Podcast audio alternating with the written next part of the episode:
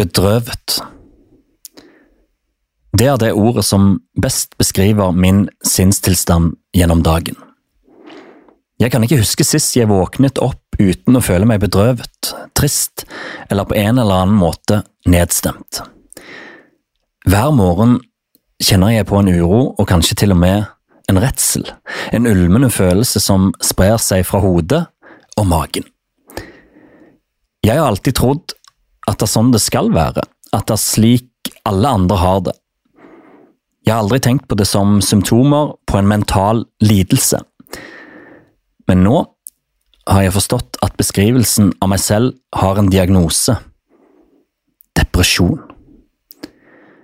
Ikke en lammende depresjon der jeg tenker at jeg ikke orker å leve lenger, eller at jeg bare vil legge meg tilbake under dynen, men en konstant følelse av nedstemthet, meningsløshet og håpløshet. Jeg har gjennom 25 år i arbeidslivet oppfattet at det absolutt ikke passer seg å vise følelser eller være åpen om mentale utfordringer. Det tar seg ikke godt ut på CV-en. Jeg har tenkt at det å snakke om min egen mentale helse er tabubelagt, spesielt på jobben, men også blant venner.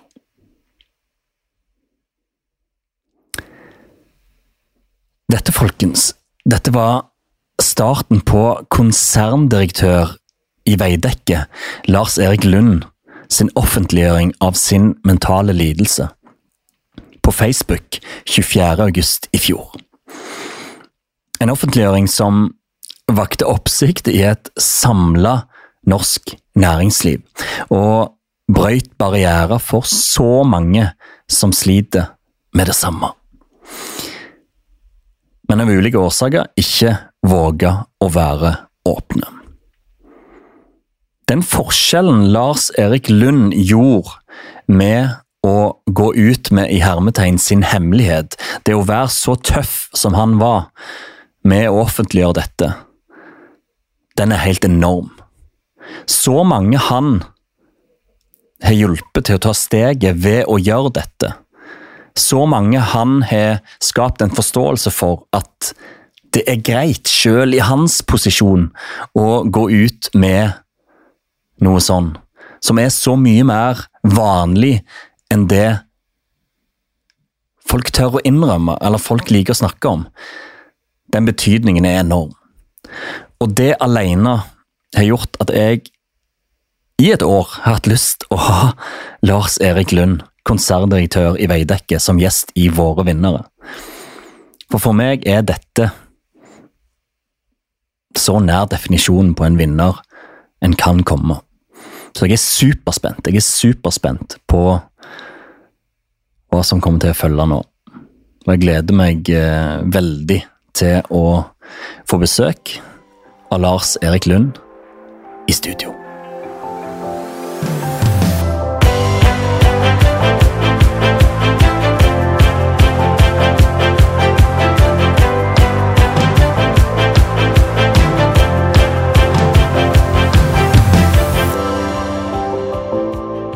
Navn?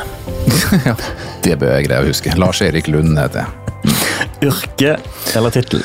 Ja, altså jeg, jeg, er jo noe så flott og fint og fjongt som konserndirektør, eh, og har to fagområder. Det er strategi og bærekraft i en stor organisasjon som heter Veidekke.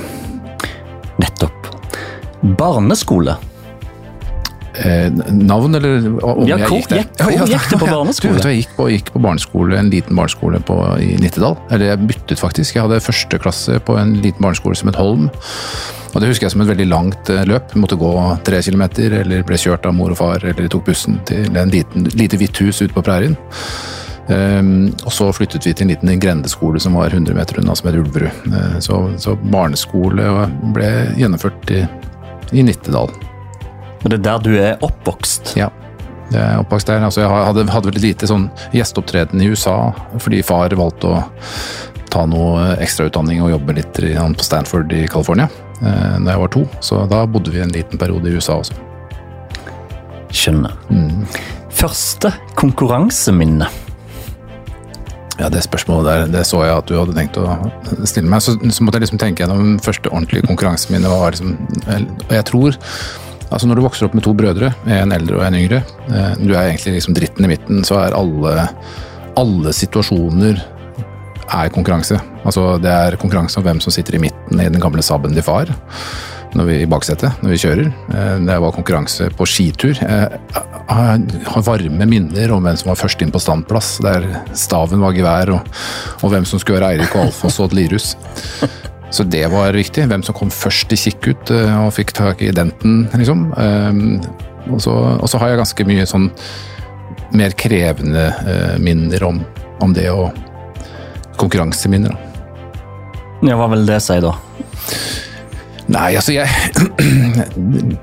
Nei, altså jeg har, har, minner om at jeg selv har ønsket at mine døtre skulle vinne i konkurranser, og liksom prydet meg selv med de resultatene de har gitt, som har vært vanskelig i ettertid. Jeg har også prydet meg, eller motsatt prydet meg, at jeg har vært litt altså, skamfull hvis de ikke gjorde det bra. Eh, situasjoner hvor jeg opplever at det å vinne alltid har en, har slagside, og det er at noen også taper. Jeg synes at eh, noen ganger så fokuserer vi veldig mye på vinnerne, og så glemmer vi at det faktisk, for å vinne, så må det faktisk noen tape. Um, så, så, så den, den, følelsen av å vinne alene, eller å vinne sammen med noen, er viktig. Um, og hvor viktig det er med Så det er mye ting knyttet til akkurat dette konkurranseelementet som dreier seg om å vinne eller ikke vinne.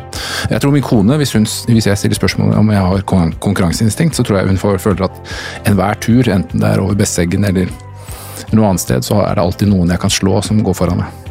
Det er, det, det er følelsen hun har. Jeg skjønner. Her, her var det mye jeg kom til å plukke opp. Største opplevelse i karrieren? Um, det, det, klarer jeg ikke å, egentlig å peke på. Um, jeg, jeg, tror jeg var jeg, jeg, var veldig stolt når Arne Giske, som var tidligere konsernsjef i Veidekke, ringte og spurte om, om jeg var interessert i å ta over en rolle som, i konsernledelsen i Veidekke. Jeg opplevde det som å være en, en stor seier. Um, men jeg har også opplevd flere ganger at som rådgiver til selskaper eller har vunnet kontrakter, at det er viktig. Så jeg, klarer ikke egentlig å peke på et uh, viktig øyeblikk. Altså, jeg klarer å peke på et helt reelt øyeblikk, som var øyeblikket når jeg faktisk valgte å være åpen om at jeg har slitt med med depresjon i 25 år, det øyeblikket er et vannskille i min karriere. Rett og slett fordi det var en periode før og en periode etter, og jeg opplever at meg, meg, jeg, jeg, er mer glad i meg selv nå enn det jeg var. Eh, nå skal ikke det så mye til, men eh, så, så det er nok et vannskille som jeg liksom kjenner igjen, også fordi at det, det ble jo veldig mye oppmerksomhet rundt det. Hjertelig velkommen til våre vinnere, Lars Erik Lund.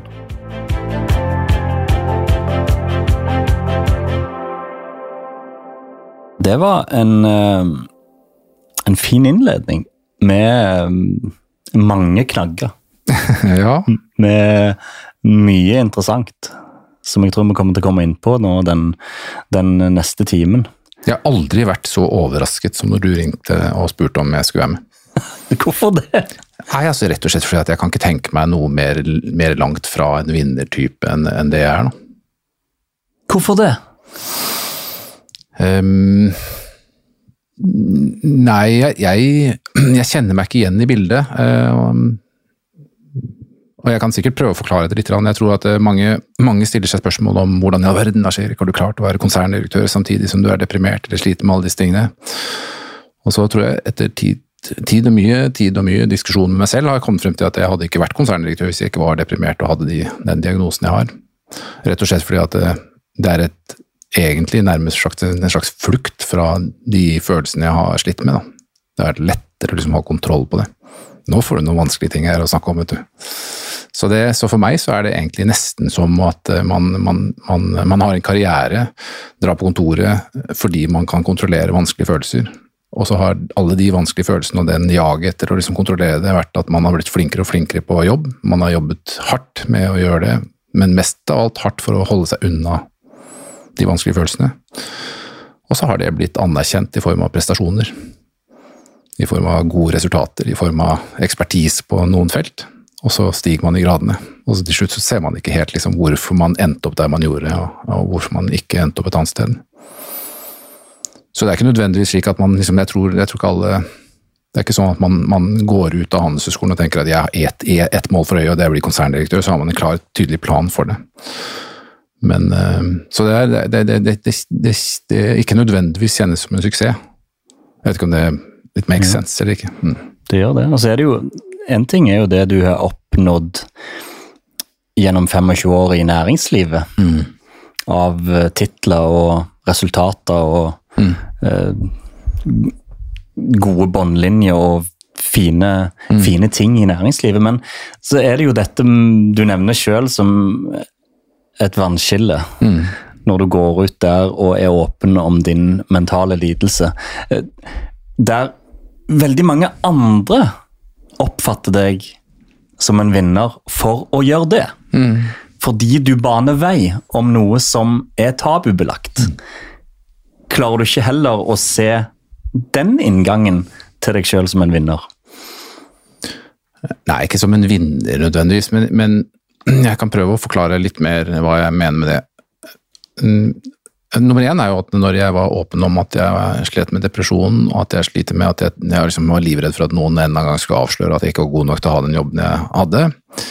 Når jeg gikk og tenkte at jeg skulle offentliggjøre det, så var det, det var ikke et bevisst valg å gjøre det på grunn av at jeg ønsket å oppnå noe annet. Det var rett og slett et eh, kall- altså rett og slett en måte å prøve å kontrollere den historien som jeg var redd skulle slippe ut allikevel. Så når andre liksom tolker det til at jeg har en bevisst oppfatning til at ja, det er veldig fint å ha sårbare ledere eller åpne ledere om de tingene de syns er vanskelig, så for meg så er det ganske fjernt. fordi jeg, jeg, det, det var ikke i tankene mine engang da jeg offentliggjorde det.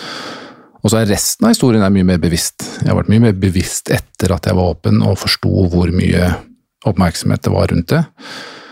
Um, den har nok i mye større grad vært tydelig og, og bevisst i forhold til at jeg vil, jeg vil ta dette ordet. Jeg vil ta del i den debatten som dreier seg om å, å skape arbeidsplasser som, eh, som rett og slett skaper god mental helse.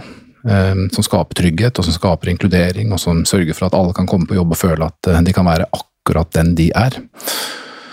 Så den er noe mye mer bevisst, men akkurat den der offentliggjøringen, den, eh, den verken forsto jeg i forkant hvor eksplosiv ville være, og hvor liksom, de 15 minuttene med fame kom. Eh, Og jeg, og jeg er heller ikke helt enig i de som tolker det til å være at jeg er en bedre leder fordi jeg gjorde det. Men du skjønner at du gjør en forskjell for mange? Ja, det gjør jeg, og det, og det, og det, er, det, er veldig fint. Altså det, og det er rett og slett så fint i én til én, men fordi eh, det er de nære historiene, når jeg snakker med enkeltmennesker som opplever at de har at de lider med, har depresjon, eller at de har bipolar lidelse, eller at de har angst eller andre utfordringer, når de kommer og sier at 'dette har hjulpet meg', så er det jo, da, da opplever du at du selv har en betydning og en verdi som du kanskje ikke trodde du hadde fra før. da. For, for disse lidelsene, altså typisk depresjon, er jo en narsissistisk øvelse. Er? Du, du går og legger deg i et mørkt rom og tenker bare på hvordan i all verden skal jeg få det bedre. Og, og, og er egentlig ikke omverdenen. Jeg er egentlig ikke så veldig opptatt av meg, jeg er opptatt av at jeg skal få det bedre. Og når du klarer å snu det blikket til å se at ja, men hvis jeg forteller om erfaringen jeg har med å forsøke å gjøre det litt bedre, og andre opplever at det er nytter, og, og de forstår at det har en verdi, så kan du liksom slutte å synes synd på seg selv så mye, og i større grad se at hva kan jeg gjøre i dag da, som gjør at noen andre får en litt bedre hverdag. Men du sier at du ikke hadde så bevisst forhold til den offentliggjøringen. Og dette var jo Da, da blir jeg veldig nysgjerrig, for dette var jo i august i fjor. 20. 23. august? Ja, 24. august tror jeg det var. Ja. Mm. Kan du ta oss med på de dagene i forkant der? Eller i tiden før den offentliggjøringen? Altså, hva, hva foregikk i hodet ditt? Hva førte fram til offentliggjøringen? Nærmest desperasjon. ja. Eh, altså, dette er jo en historie som er mye lengre enn en noen dager i forkant. Dette er jo en historie vi har Over tid så har man jo altså Depresjon og mentale lidelser som angstlidelser, eller, eller det jeg fortalte om ADHD eller bipolaritet, er jo ikke ting som syns på utsiden, i de fleste tilfeller. da. Eh, Så det er jo ting du går og bærer med deg, eh, usynlig. Og ofte så tror jeg mange som har den formen for utfordringer, tenker at um, jeg må passe på at ingen ser det. Jeg må passe på at ingen liksom oppfatter at jeg har en mental lidelse, for rett og slett fordi jobben min består i mye mental jobbing. Altså jeg, jobben min er, har mye tankekraft. Da. Det er det som er ideen. Det er liksom ideen hva jeg skal gjøre. Jeg, jo jeg, andre, jeg kan ikke snekre, jeg kan ikke gjøre noe annet. ikke sant? Så når du da sier at okay, det organet som egentlig du bruker på jobben din, det, funker ikke så bra, så er du jo livredd for at noen skal oppdage at det faktisk gjør deg dårligere til å gjennomføre den jobben du har. Så du går egentlig og bærer på dette her, og så prøver du å lage deg noen skall på hvordan du liksom beskytter mot at noen skal finne det ut. Sånn er det for jeg. Jeg, kan tanke, jeg snakker for meg selv. Um, og så, et år i forkant av uh, jeg offentliggjorde, så sleit jeg ordentlig. Den sommeren syns jeg var traurig, ordentlig traurig. Det var veldig, veldig tungt, og, og var nok, hadde en alvorlig depresjon. Og, og, snakket med en venn av meg som også som hadde vært åpen om sin depresjon. Og så sa han at det, uh, det var en fin måte å kunne kontrollere sin egen historie. Altså det vil si at du, det er sånn som vi som kommunikasjonsrådgivere, liksom, kontroller, altså, kontroller narrativet, så, er det liksom, mm. så du det. Og det, det, appellerte til meg, så jeg begynte å tenke at ok, skal jeg skrive ned alt det jeg føler, og hvordan jeg føler, hvor vanskelig jeg syns dette er. Så skrev jeg hele teksten. Um, og, og, det var i august et år før, altså. Ja. Og så delte jeg den med en psykolog, som vi snakket mye om teksten. Og så delte jeg det med én kollega, Fredrikke. En ung jente som jobbet i Veidekke tidligere og som noen år i forveien hadde sagt spurt om kan ikke du være min mentor, Lars Erik. Vi hadde, altså, hadde gode, gode samtaler da, om hvordan bygg- og anleggsnæringen var, og diskusjoner om mangfold og andre ting. Og så ble det veldig tydelig at uh, Fredrikke i større grad ble min mentor. Så hun, hun ga meg råd. Så når jeg sendte henne denne artikkelen, og hun sa at kan du lese gjennom den, Fredrikke, så kan du si hva du syns. Si ifra hvis du syns den er teit, liksom. Og så sa han Lars Erik, dette her må du bare dele. Du kan, du kan, ikke holde på dette her. Jeg visste ikke at du hadde det sånn. Dette, dette må du dele. Og det var eh, i februar.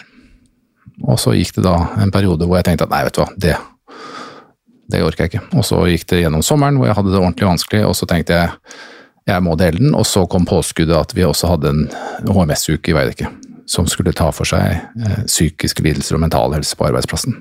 Oi. Og da ble det liksom sånn, det ble veldig rart for meg å stå foran et publikum og si at det er veldig viktig å være åpen om depresjon og mentale lidelser, eh, og vite selv at jeg bar på dette. Så da valgte jeg, og da, da jeg husker den morgenen, da hadde jeg vært og syklet sammen med disse vennene mine i Oslo Dawn Patrol tidlig om morgenen, kom tilbake til kontoret og hadde bestemt meg for at denne, nå skulle jeg dele den hadde laget alt klart på LinkedIn og Facebook og Instagram. Trykket på knappen for å publisere. Jeg var jo redd for at ingen skulle gidde å lese det.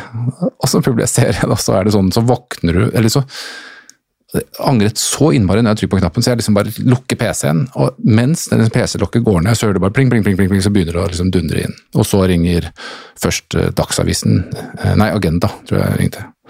Og så ringte Dagsavisen, og så ringte de andre mediene og spurte om kan vi få lov til å publisere artikkelen. Og så så bala det på seg i noen, noen minutter og timer. Hvordan var det for deg å, å, oppleve altså du sier å, gå, å gå fra å være en helt usynlig konserndirektør til å være en helt usynlig konserndirektør med en mental lidelse. Du vet hva, det, det var både skremmende, og så er det jo altså, hvem, hvem, liker ikke at liksom, man får oppmerksomhet? At man blir skrytt av, at man opplever at man blir verdsatt. Det tror jeg alle gjør. Det blir jo nesten sånn at du blir mer redd for at når lyset slås av, så er du glemt igjen. Men du sa du, du frykta at ingen kom til å, å, lese det, ingen kom til å bry seg? Jeg tenkte det her er gjesp, liksom. Ja, kanskje noen ville si at herregud, gidder du å dele sånne negative ting på Facebook og LinkedIn? Hva handler reaksjonene stort sett om, da? Jeg tror mange Det er litt forskjell på om de er mennesker som kjenner meg fra før og som skal jobbe sammen med meg fremover, eller om det er mennesker som bare har, har sett det fra utsiden, eller om det er helt perifere. De helt perifere og de som ikke kjenner meg, syns jo dette er fantastisk. Har ikke opplevd Har heller ikke opplevd meg som, som deprimert. For mange av de som er nærmere, så er det kanskje vanskeligere, rett og slett fordi de Jeg tror de opplevde at jeg kanskje brukte offentliggjøringen som en slags måte å behandle meg selv på. da uten å faktisk ta tak i det ja. uten den oppmerksomheten. Mm. Nå er jeg veldig ærlig her, altså. Det, så, men det, det, gikk jo veldig fort etter at jeg offentliggjorde at jeg skjønte at det her må jeg ta kontakt med igjen, offentlig helsevesen og be om å få, få medisiner til å hjelpe meg, og be om å bli utredet for, hos, hos eh, distriktspsykiatrisk senter, eller DPS som det heter. Og da ble jeg satt inn i køen i offentlig helsevesen. Um, og så begynte jeg å få hjelp. Jeg har fått masse hjelp fra, fra DPS, og fått masse hjelp også fra jobben da, til, å, til, å, til, å, kunne håndtere eh, depresjonen og kunne håndtere det livet som, som er. Kunne, kunne, så jeg, jeg, har kunnet være i full jobb ved siden av å ha, ha disse utfordringene. Det er jo ikke så mange arbeidsgivere som kanskje tillater. Har offentliggjøringen hatt direkte påvirkning på helsa di?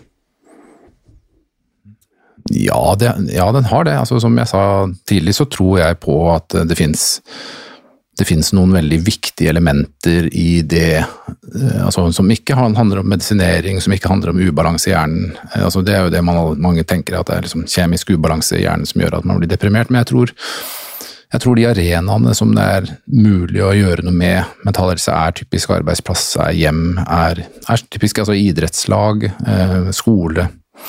Eh, barneskole, barnehage og sånne ting, som er, som er de viktige arenaene å kunne gjøre noe med det. Altså forebygge mentale utfordringer og mental lidelse. Og da jeg, jeg, tror det å, det å oppleve Du opplever rett og slett en litt større grad av tilhørighet, først og fremst, når mennesker sier at 'jeg kjenner meg igjen i historien din', eh, og jeg har lyst til å snakke med deg om min historie, sånn at du kan se at det er flere av oss som har det sånn.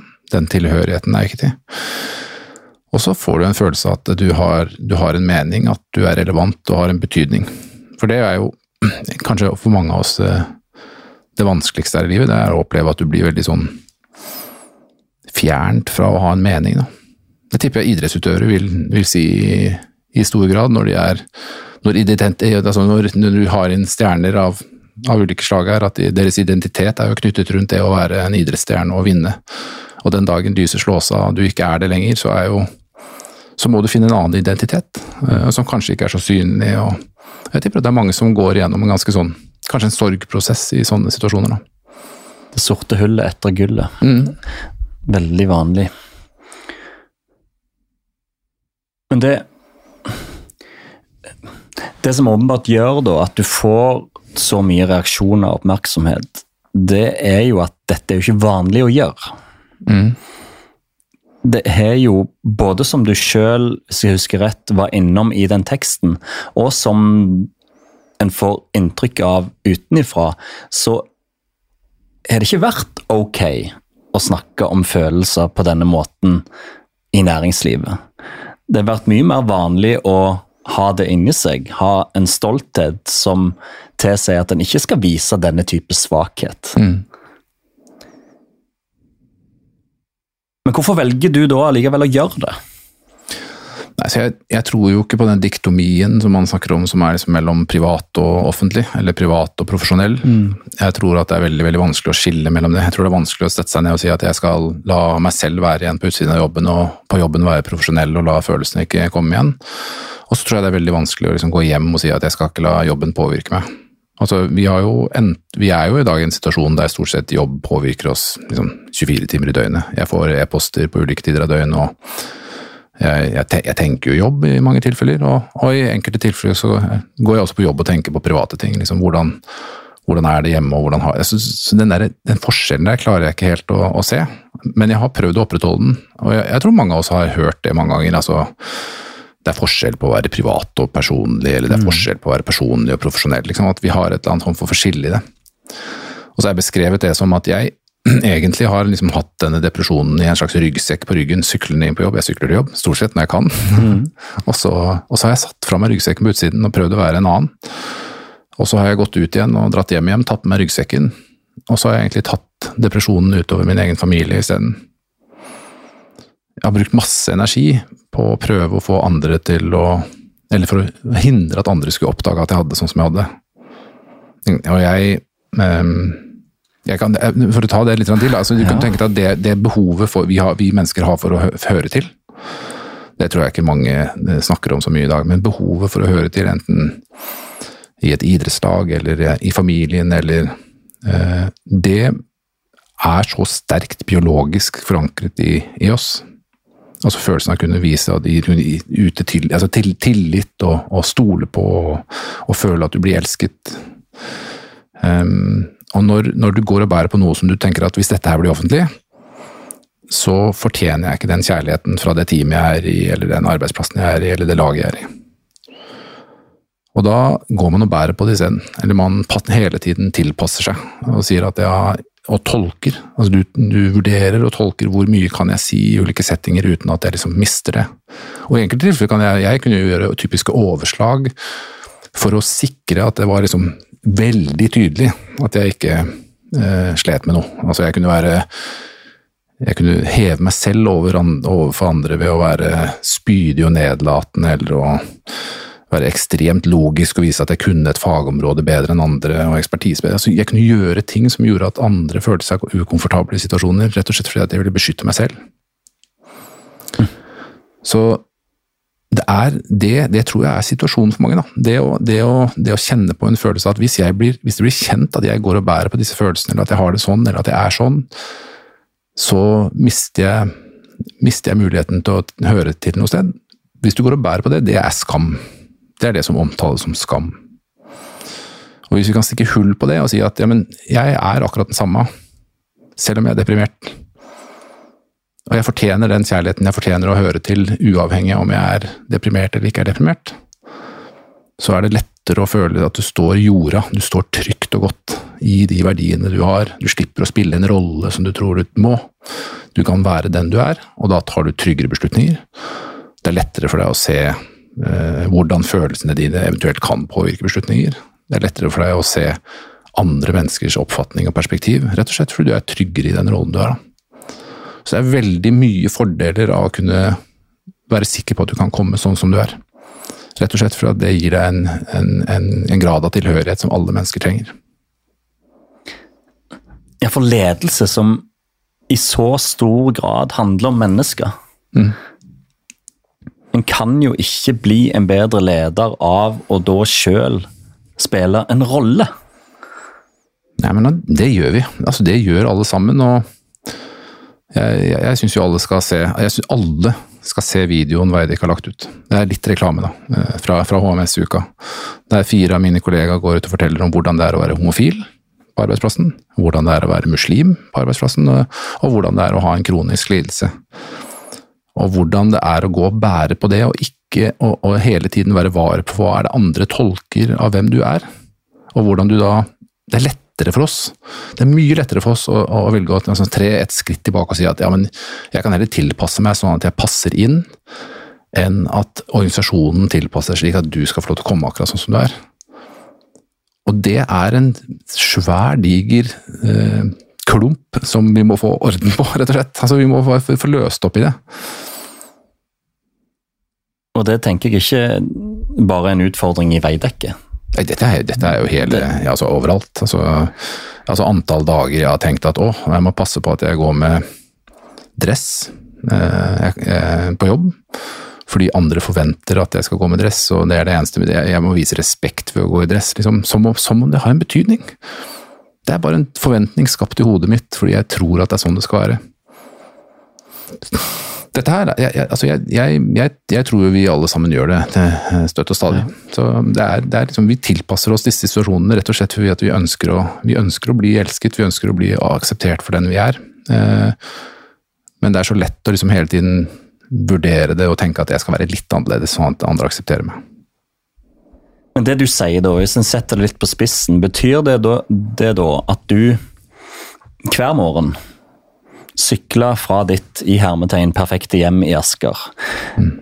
med din perfekte jobb, mm. med din gode form mm. Og holdt på en hemmelighet mm. hver dag? Mm. Det er det det betyr.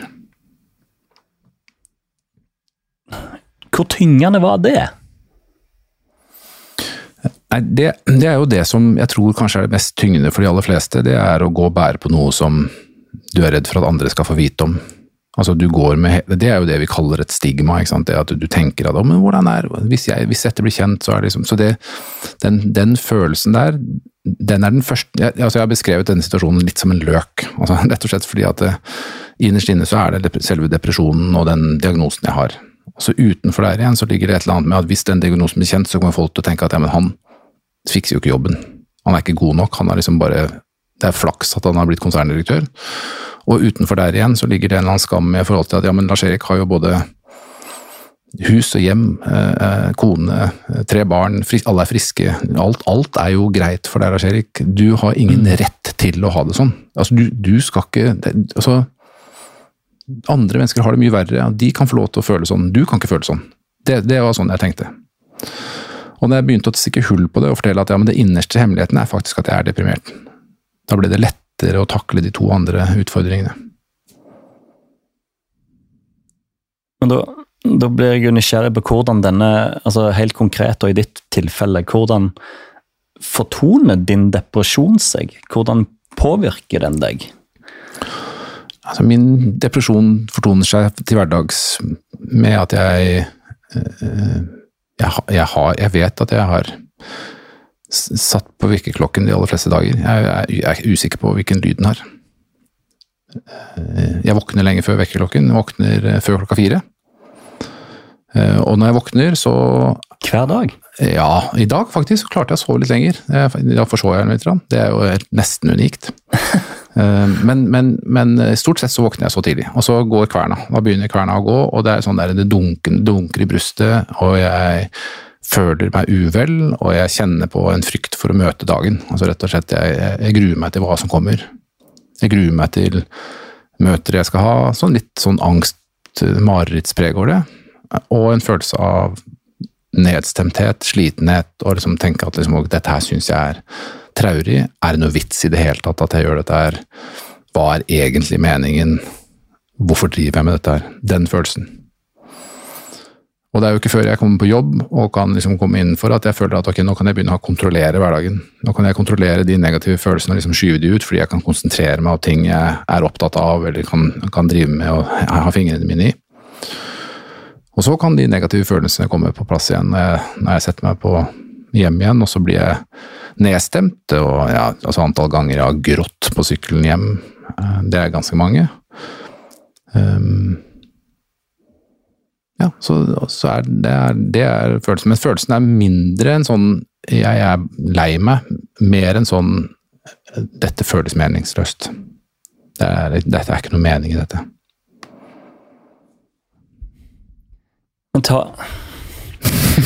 ja. Og så ler litt. Ja, men, tar, men tar du da på deg eh, Tar du på deg da jobbdressen som en slags eh, uniform som forteller deg at du nå kan være noe annet, som en eh, rustning. Nå går jeg inn i eh, Nei, ikke, eh, nei, ikke helt sånn ikke, så, ikke sånn lenger. Jeg, nå, nå, er jeg jo ikke noe redd for å vise fram tatoveringer og sånne ting som jeg også har, men, men, men, men, men jeg altså, Det er jo ikke alt som dreier seg om hva andre syns om meg. Noe av det dreier seg om hvordan skal jeg, liksom, hvordan skal jeg få håndtert disse For de følelsene hos meg kommer inn her, og så gjør de en annen tankeprosess, og så går de ut i enda verre følelser, og så kommer de ut i liksom, Så hvordan skal jeg få stoppet det? Og det er jo faktisk få konsentrasjonen over på noe annet og begynne å liksom tenke at ok, dette skal jeg få gjort, nå må jeg få gjort dette her.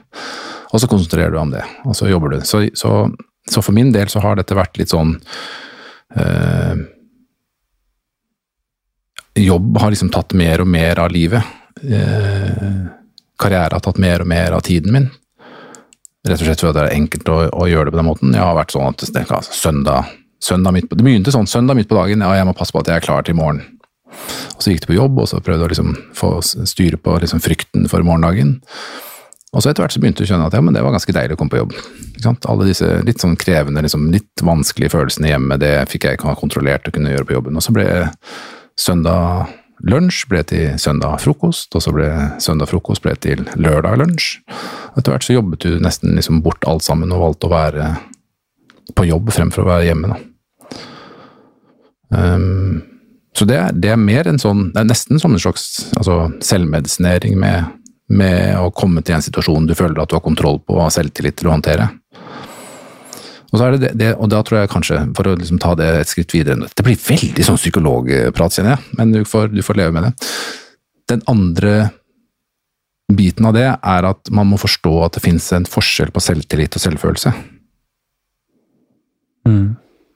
Og det er ikke så lett å se, fordi du kan se en person som liksom yter og ser bra ut, ser ut som han har liksom kontroll på, på, ting. Jeg får jo ofte det at ja, men du ser ut som du har full selvtillit på scenen. Masser av selvtillit. Full av selvtillit å håndtere en sånn situasjon. Men selvtillit er jo varierende. Liksom, En dag så har du det, en dag er du ikke det. er sånn tøff i pyjamas-diskusjonen. ikke sant?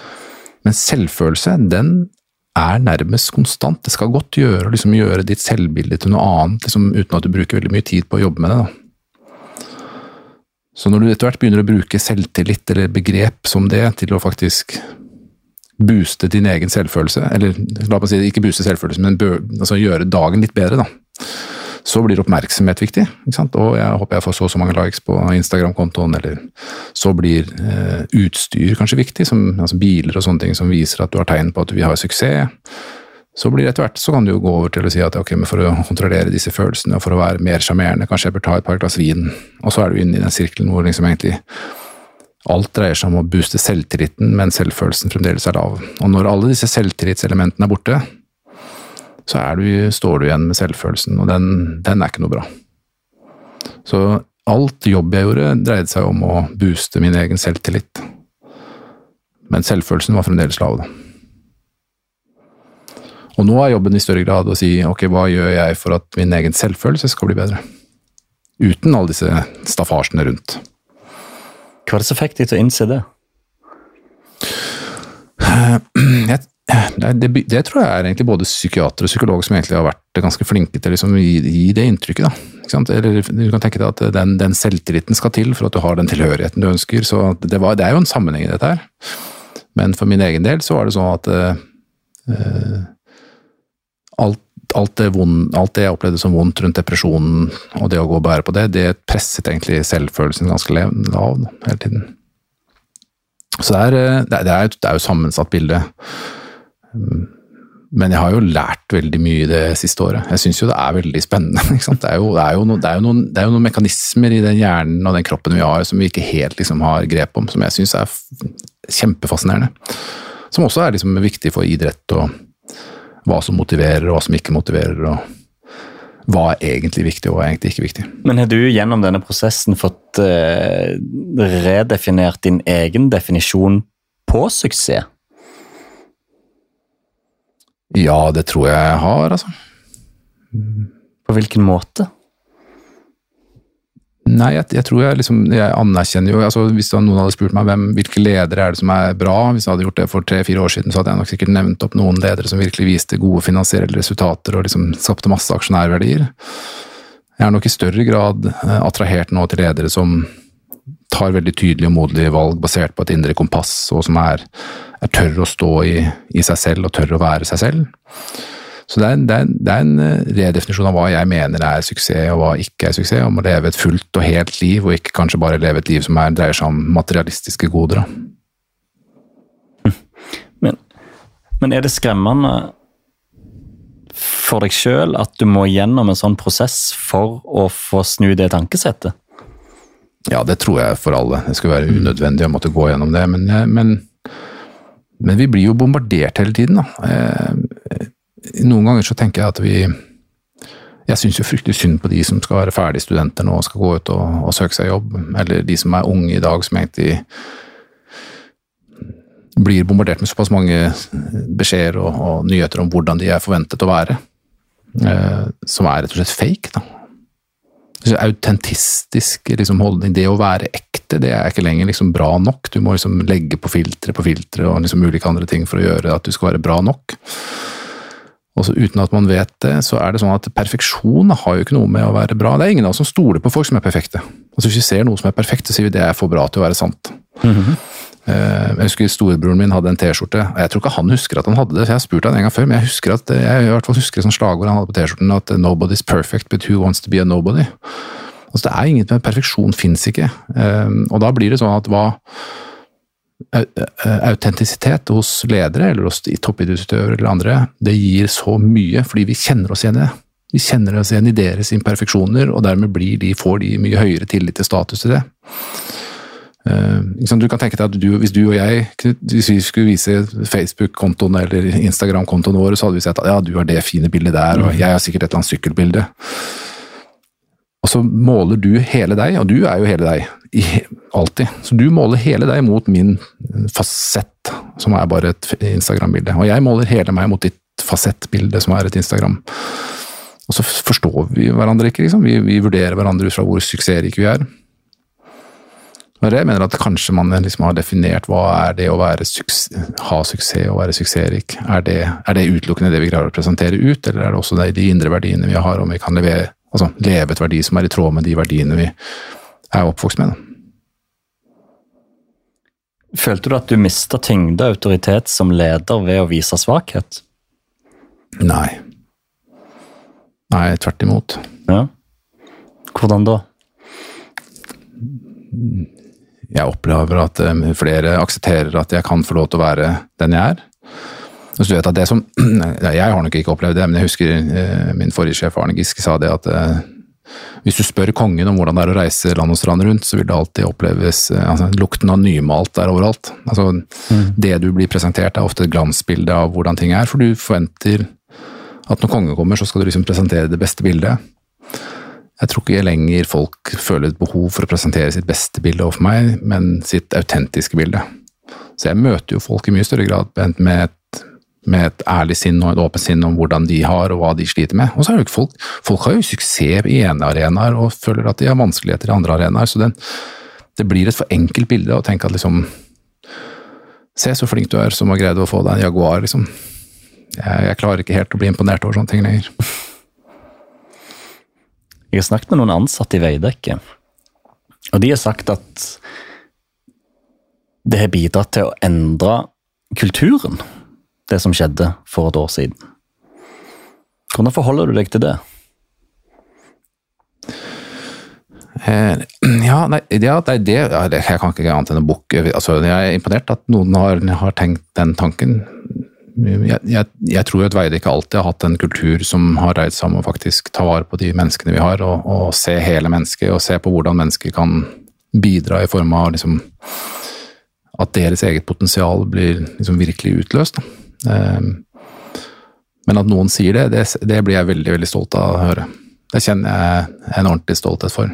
Um, og så er det fremdeles en lang vei å gå. Jeg tror det er, og jeg har sagt det før også, jeg tror det er kjempe det er lettere for meg å være åpen om mental helse og, og, og få den hjelpen som trengs i Veidekke, og få den aksepten som trengs, rett og slett fordi jeg har den rollen jeg har, og, og jeg har mennesker rundt meg som, som, som, vi kunne håndtere det sammen med. Men, så jeg har noen privilegier andre ikke har, rett og slett. Eh, det, det er også noe jeg har lært det siste året, at eh, hva er egentlig et privilegium? Hva betyr det at du har de privilegiene? At du kommer lettere til ting, og at du har liksom muligheten til å og, å, få det litt lettere. Så Det er nok, det er nok også tilfellet i Veidekke. Jeg tror det å være konserndirektør og, og vise at du har en, en sliter med mental lise, på ene siden gjør det mer synlig, det er veldig offentlig, men på den andre siden så får du også den hjelpen du trenger. Og Jeg er ikke sikker på om det er sånn i Veidekke, men jeg, jeg er jo villig til å, å jobbe veldig hardt for at uansett hvilket nivå du er, om du er en snekker eller en prosjektleder eller om du er distriktsleder, så skal du få den hjelpen du trenger. Og, og det skal kunne være i veidekket også om du sliter med ulike mentale lidelser eller andre utfordringer. Av de tusenvis av reaksjonene du fikk i etterkant, var det mange av de som var fra ledere, fra mm. næringslivsledere, som var i samme situasjon, eller er i samme situasjon, og ikke tør å gå ut med det? Ja, det er, det er mange. Altså mange næringslivsledere, eh, finansanalytikere, toppadvokater, folk som jobber i veldig sånn stress, stressyrker som egentlig hvor, hvor, eh, hvor, deres suksess nærmest er målt i liksom antall timer de fakturerer og hvor stor, stor, bil de har. Mange av de som opplever akkurat det samme, at hvis jeg sier noe om dette, så mister jeg liksom alt. Da forsvinner det. Eh, men også mange unge som akkurat skal ut i næringslivet og som sliter med noe av det samme som jeg gjør, som sier at jeg kan jo ikke fortelle dette, Lars Erik. Hvis jeg forteller det, så får jeg ikke jobben. Um, og så er det og everything in between. Det er, jo, det, er, det er jo alle former for Og jeg setter jo jeg, altså jeg, Rett og slett, jeg leser alle disse e-postene liksom flere ganger, og jeg har fått noen e-poster selv den siste uka som jeg, jeg, blir nesten litt sånn satt ut av. Eh, hvor fine de er, og hvor hvor takknemlig de er for at eh, noen har begynt å sette ord på dette, at det er mulig å kunne ha en karriere og også slite med det. da. Ja, for, for hvorfor tror du det er så tabubelagt? Hvorfor tror du det er så vanskelig? Hvorfor er det så mye stolthet rundt dette? Hva er hovedårsaken til det? Nei, jeg, jeg tror det er forståelse. Altså. Det er lettere for oss å møte Hvis du hadde kommet med et brukkebein, så er det lettere for meg å forstå hvor ille det er å liksom, ha et brukkebein. Det skjønner jeg. Liksom, ja, hvordan er det å gå i trapper? Liksom. Jeg kan tenke meg at det er vanskelig. Men hvis, til, hvis, du kommer til meg og sier at ja, jeg, jeg, sliter skikkelig med angst, jeg vet ikke helt hvordan jeg skal håndtere det, jeg har et, et problem med sosial angst eller panikkangst eller andre ting. Det er vanskelig å møte det, for du vet ikke helt Det er ubehagelig, og det er vanskelig å møte det som ledere. Det, og det skulle jeg også si at den, den, den, andre gruppen av ledere som har ringt eller tatt kontakt, det er jo ledere som ikke vet hvordan skal jeg håndtere det nå, Lars. Ja. Og så er det, og da prøver jeg å, si, prøver å gi et forslag på hvordan de kan håndtere det. og Det er jo at det, det er jo ingen av oss som forstår helt. Jeg, jeg, jeg, heller ikke forstår helt når noen kommer til meg og sier at jeg, jeg, jeg har sånn og sånn, jeg sliter med det og det. Og jeg, kan ikke på noen måte si at jeg, vet akkurat hvordan du har det. Men jeg kan lytte og bruke tid på det og si at jeg setter av tid til å høre på hvordan du har det. Jeg kan høre med deg hva du tenker at jeg kan gjøre for å hjelpe og se på hvordan det skal gjøre. Jeg kan unngå å komme med liksom klare råd om at jeg syns du skal gjøre sånn eller jeg syns du skal gjøre sånn. Um, og det dreier seg om å stå sammen.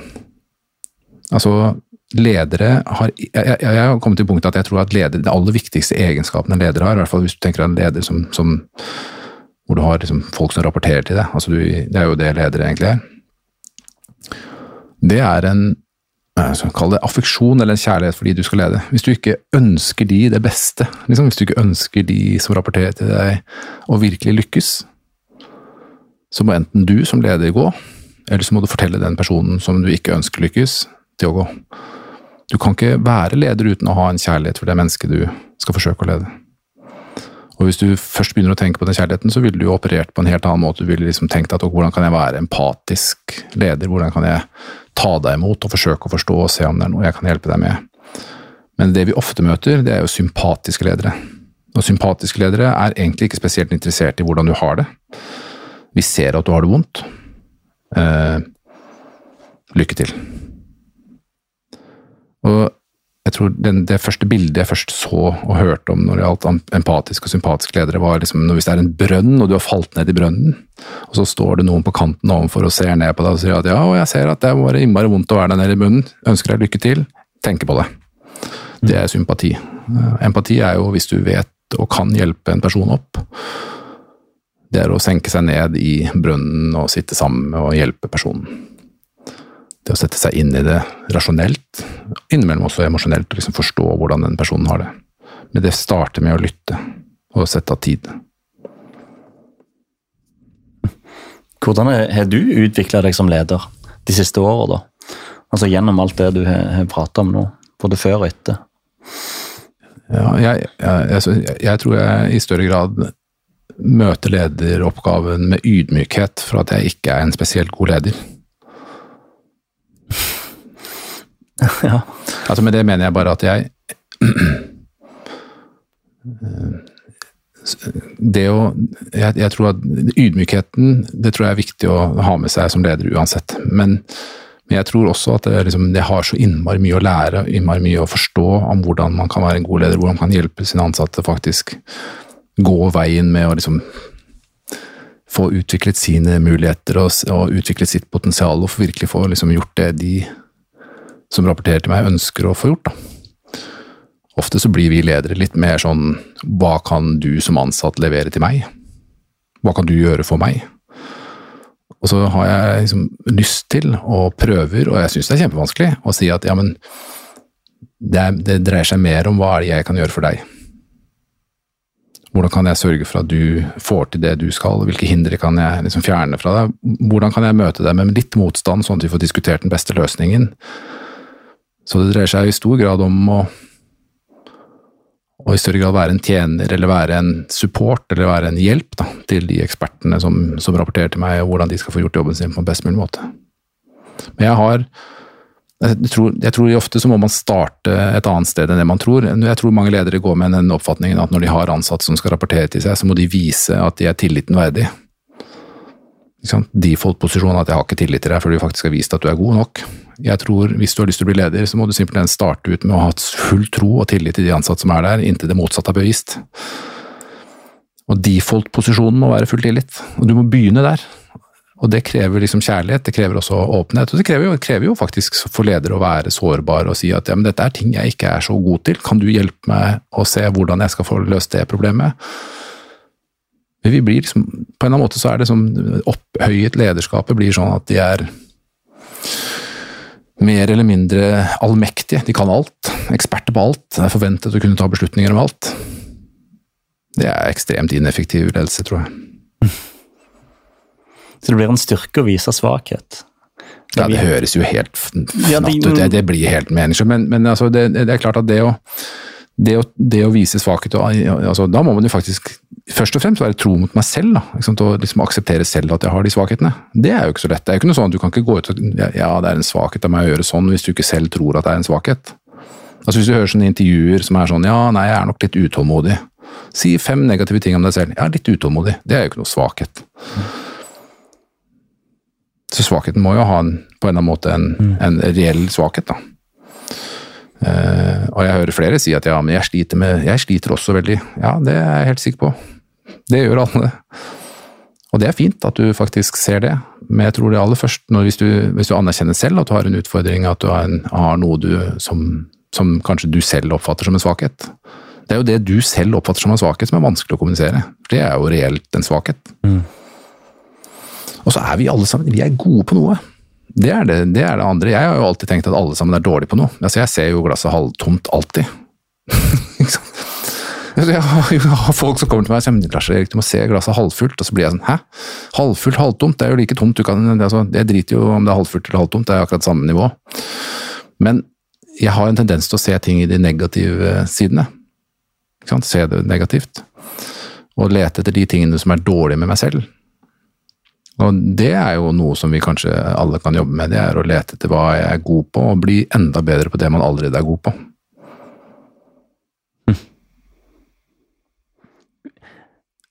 Hvordan, men hvordan klarte du sjøl å, å havne i de rollene, i de posisjonene, med det ansvaret du har hatt over så lang tid, med dette trøbbelet underliggende?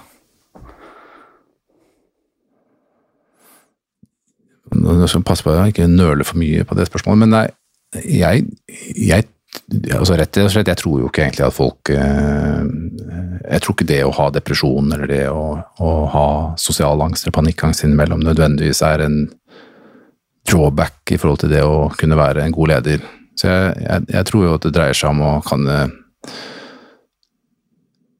altså, kunne skille litt klinten og hveten her på en eller annen måte. Altså, jeg, jeg, har disse utfordringene, men jeg, ikke, jeg, har jo ikke noe behov for å snakke om det hele tiden. At jeg, nå er jeg deprimert, nå er jeg deprimert. Nå er jeg, det er jo ikke, jeg har behov for å, liksom, å kunne være åpen, ikke nødvendigvis å være åpen hele tiden. Og kunne håndtere jobben min ved siden av. Det er den følelsen av å ikke kunne være det som er vanskelig. Ikke det, jeg vet ikke om det makes sense.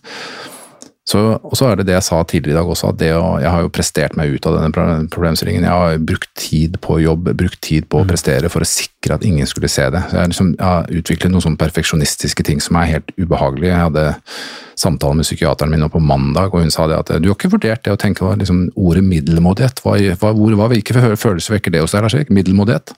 Og jeg må jo ærlig innrømme at middelmådighet det nesten det gir en sånn kvalmende følelse hos meg. Oi. Så, så jeg, altså jeg ville i de aller fleste tilfeller eh, vært altså Enten så er det perfekt, eller så, det, så gir jeg blaffen. Så det å øve på at ting kan være ok, eh, eller middelmådig, det, det, er noe jeg ja, Det høres helt komisk ut å, å si det, men, men, det er noe jeg faktisk må jobbe med. Ellers så blir jeg, får, jeg får jo ikke gjort ting hvis jeg ikke klarer å se at ting kan være helt ok. Hvorfor tenker du det har vært en, eh, mer en styrke enn en hemsko? Ja, fordi folk har opplevd at de tingene jeg ja. gjør er bra, da. Mm. Er eh, gjennomtenkt, er brukt mye tid på. Eh, brukt mye rasjonell kraft på det. Jeg legger jo frem planer og presentasjoner og tanker og fasiliterer diskusjoner som i, i all hovedsak er basert på disse, disse tingene. Og så nekter jeg å gjøre det middelmådig, da jeg klarer ikke helt det. Så det blir jo en jobb å faktisk få det, og, og jobbe til jeg er til, tilstrekkelig tilfreds med at det er godt nok, da. Men disse eh, Både disse unge ansatte som sliter, som er redd for å ikke få jobben, mm. eller redd for å ta steget. Eh, og for så vidt ledere som ikke tør å, å ta bladet fra munnen. Hva er ditt råd til de? Og, og ville du som ville du som leder hatt null kvaler med å ansette en deprimert?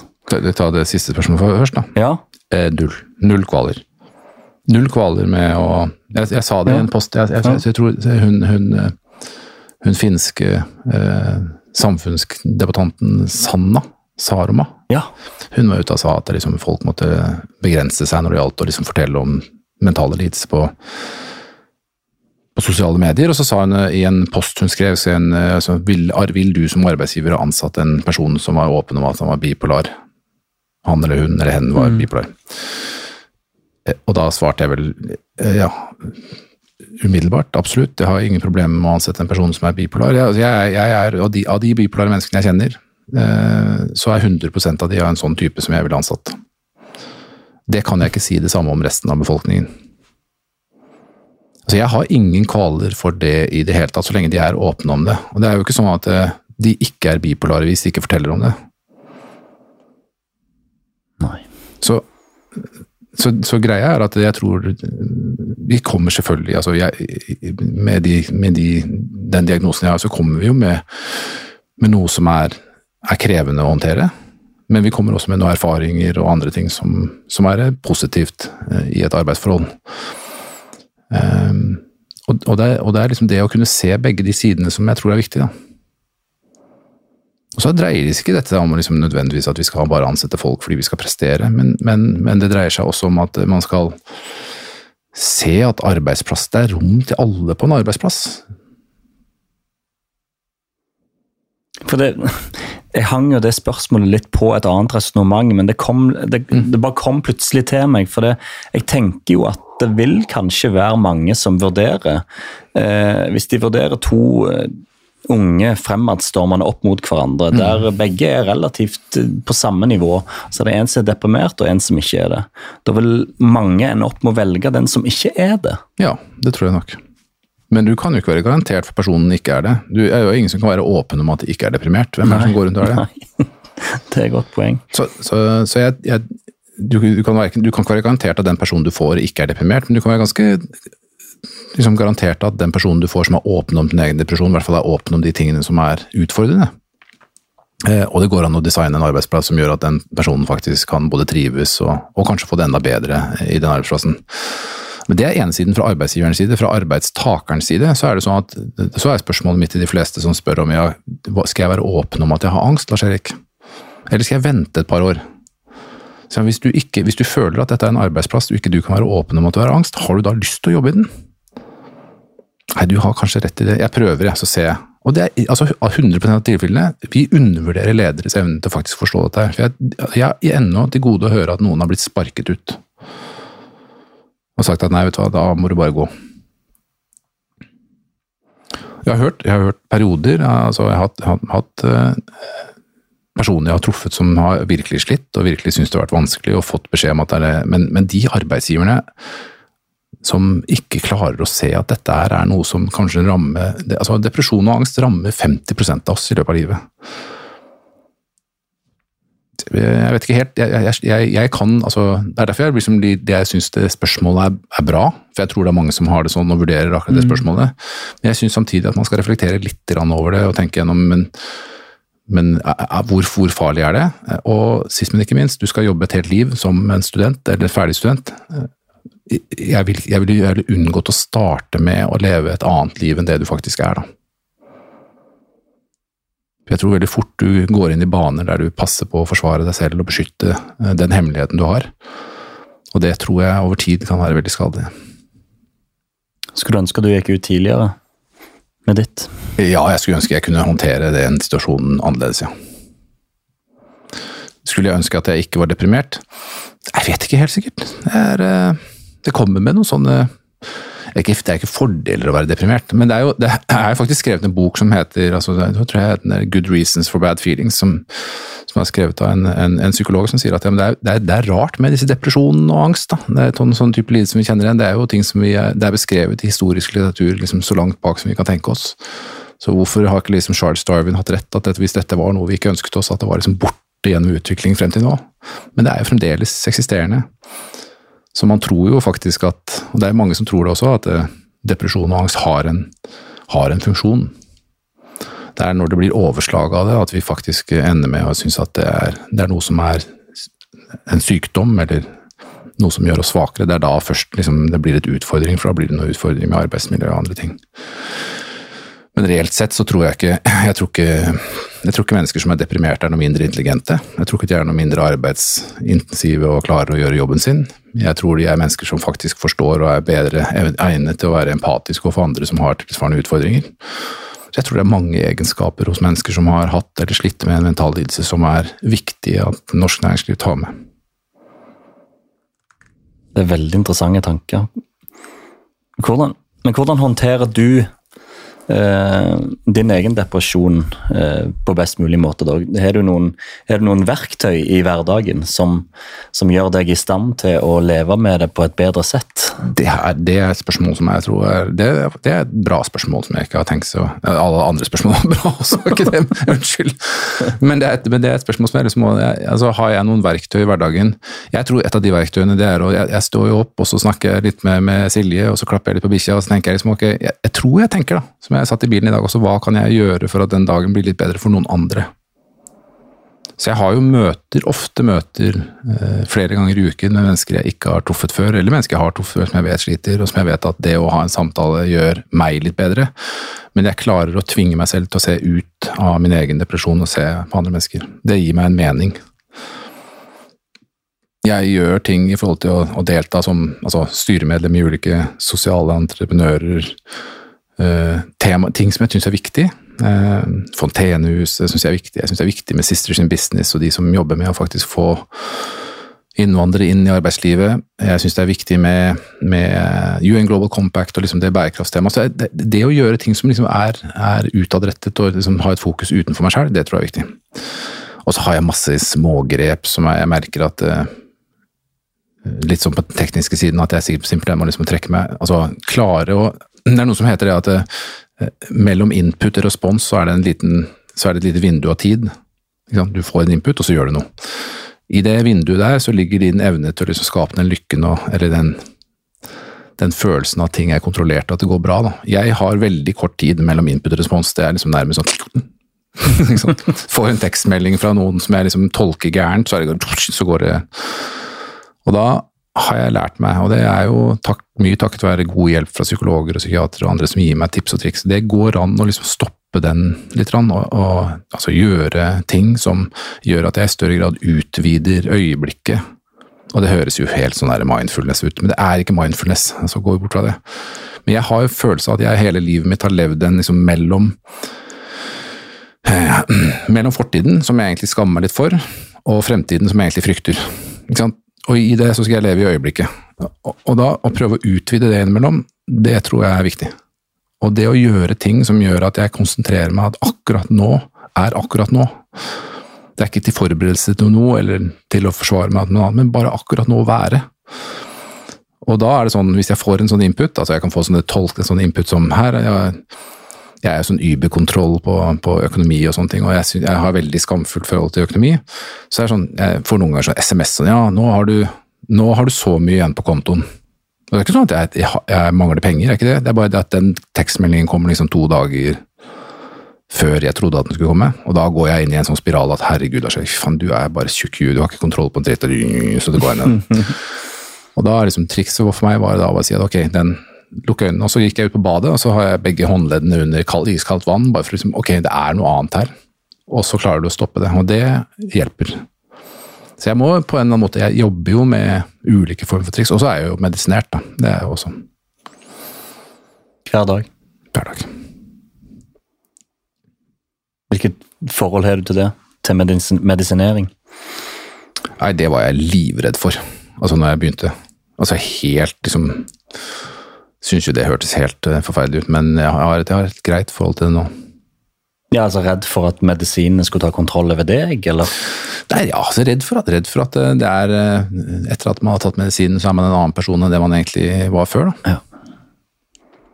Så det er jo det er jo, det er jo noe med medisinering som er litt rart. ikke sant? Du kan tenke deg at jeg tror mange av oss bruker så tenker ikke over det som medisinering, men mange av oss bruker kanskje et glass med vin på kvelden for å liksom roe ned nervene før du sover og sånne ting. Alt dette her er jo en form for selvmedisinering. Vi bruker liksom det til å tolke Vi har hatt en slitsom dag på jobben og syns det er vanskelig og vondt og er litt redd for sånn og sånn. Jeg tar to glass rødvin før jeg legger meg. Problemet er bare det at det, det du gjør med de medisinene, er at du prøver å døyve noen vonde følelser, men de døyver også de gode følelsene. Og dette er ikke, det, Jeg er ikke noe IOGT, altså jeg er ikke noe sånn at ingen skal drikke, altså det er ikke det jeg sier, men, men når vi bruker alkohol eller andre stimuli for å liksom redusere eller døyve noen vonde følelser, så døyver vi også de gode følelsene. Mm. Det var det jeg var redd for med medisin. At når jeg brukte medisiner for å liksom øke serotoninnivået i hjernen, så ville det gå utover noe annet.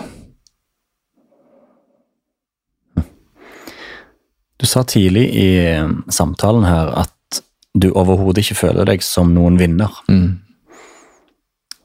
Hva er en vinner for deg, da? Nei, og det her, denne, denne, dette liksom, vippepunktet er jo det jeg sliter litt med. Um, en vinner for meg er jo alt annet enn en taper. Og det, det her blir jeg, jeg, rett og slett For å kunne vinne, så må noen andre tape, på en eller annen måte. Og det er den, det er den følelsen jeg syns er litt vanskelig med det. Eh, for jeg føler meg jo veldig ofte som en taper. Rett og slett at selvfølelsen min gir meg det bildet at du er jo, du er jo ikke noe, du er ikke verdt noe, du har ikke kontroll, du klarer ikke de tingene du skal. Det er det den private hjernen snakker til meg om. Um, så det er den ene refleksjonen jeg gjør om det å være en vinner.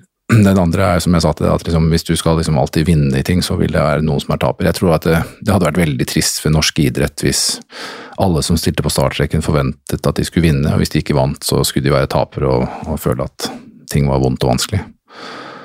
Så jeg, jeg, vet ikke helt om jeg er så glad i det begrepet og det å vinne, da. på en eller annen måte. Og jeg er ikke helt sikker på om jeg føler meg selv som en vinner. Så sa du òg at du hadde tatt deg i å prøve å Ja, om det var eh, Leve gjennom dine barn i konkurranse, mm. eller på en måte realisere egne ønsker om mm. å vinne gjennom dine barn. Ja, det tror jeg vi mange gjør. altså. Ja. Det er jo, det er jo liksom våre liksom slitt forslitte ting der er jo det at vi har ikke har, ikke har klart den idrettslige liksom, prestasjonen når du var ung, og så, og så, velger vi å liksom utøve den gjennom barna våre. Um, og For meg så har det jo det har vært en ordentlig sånn uh, refleksjonsrunde, det. altså jeg jeg har hatt både barn som gjør det veldig bra på idrettsbanen, og barn som ikke trivdes så godt i sånn konkurranseidrett. Uh, men det har vært altså det, å, det å speile seg i sine barns suksess, som egentlig ikke er min altså Jeg vet ikke helt hva jeg har gjort for at de skal bli så gode. Det har jo vært helt naturlig for meg, liksom, å, å mm. speile seg i det. Og det, det, det, er sånne ting som jeg altså, jeg skammer meg over det. Jeg syns jo det er ubehagelig å tenke på det når jeg går tilbake og tenker på det.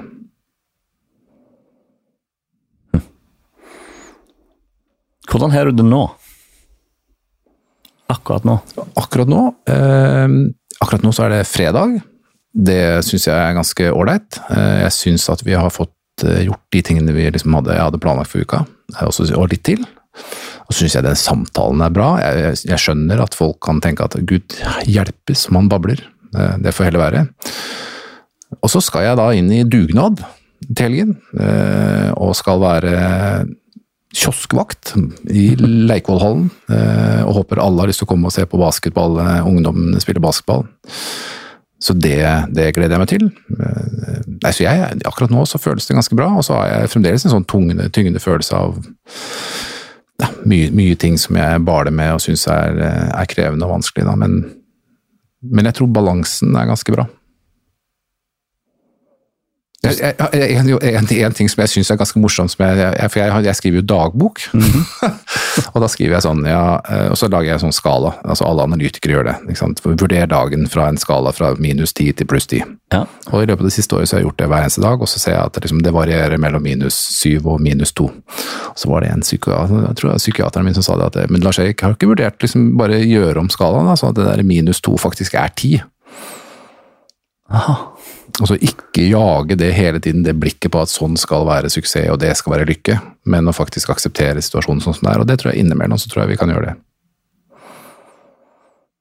Det var fint. Og du, du starta jo podkasten med å si at du, du skjønte ikke hvor da, hvorfor i all verden du skulle bli invitert til denne podkasten her. Men jeg sitter med en følelse nå om at de fineste definisjonene vi har fått i denne podkasten på suksess, har kommet den siste timen, Lars Erik. Og det mener jeg oppriktig. Så, så, veldig hyggelig å høre. Takk skal du ha. Det hadde vært en eh, veldig givende samtale. Uh, og jeg setter veldig pris på at selv om du syns det var rart at du ble invitert, at du faktisk valgte å komme. Altså det, er jo, det, er jo, ikke sånn at jeg, jeg, ikke ble beæret av å bli invitert, men, men, men jeg syns det var rart at noen ville velge liksom, det, det meg da, til det. Men eh, jeg setter veldig pris på det du sier nå. altså. Ja, jeg var aldri i tvil, og jeg er veldig glad for at jeg inviterte deg. Og tusen takk for at du kom til, til våre vinnere, Lars Erik Lund. Og lykke til med alt du skal gjøre framover. Tusen takk for at jeg ble invitert.